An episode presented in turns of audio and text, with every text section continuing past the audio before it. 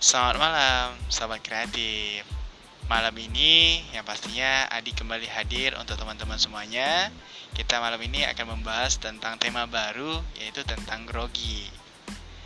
Yang pastinya cocok banget buat kamu yang lagi berproses menjadi guru muda yang lagi belajar mengajar di sekolah.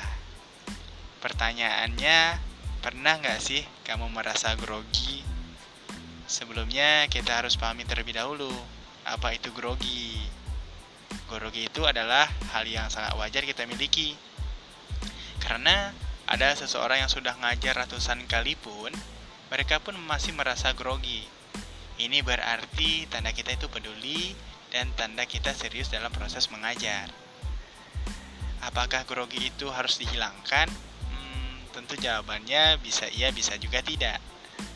Dan untuk kamu yang suka grogi di depan umum, artinya kamu ada di jalan yang benar. Kenapa? Karena kamu sadar akan grogi yang akan kamu hadapi nantinya saat ngajar di depan kelas. Makanya, siapkan materi dengan baik sebelum kamu masuk ke dalam kelas.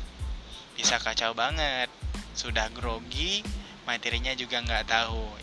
Yang pastinya tambah kacau nantinya di dalam kelas. Nah, adapun caranya biar kita itu pede di depan kelas, ya pastinya kita harus pahami terlebih dahulu materi-materi yang akan kita sampaikan kepada siswa kita. Kemudian segmen-segmennya dalam kita di kelas nanti kita harus tahu. So, kalau sempat, kamu harus tahu beberapa orang di dalam kelas itu yang sangat penting.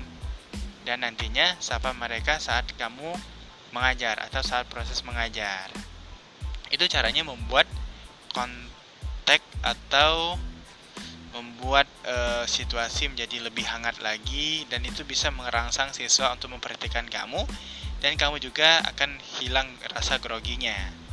Dan dan yang harus kamu tahu juga umur grogi itu kadang hanya 20 menit pertama. Jadi selama 20 menit pertama itu ke 20 detik ya sorry. 20 detik pertama itu kamu akan merasa grogi merasa nervous gitu kan. Tapi kalau sudah kamu bisa mengatasinya selama 20 detik pertama maka di detik ke 21 itu kamu akan menjadi lebih baik lagi dan suasana akan berubah dan kamu akan menjadi lebih tenang. Nah gitu. Semoga tip ini bisa bermanfaat untuk kamu yang lagi mendengarkan. Dan sampai jumpa di podcast selanjutnya.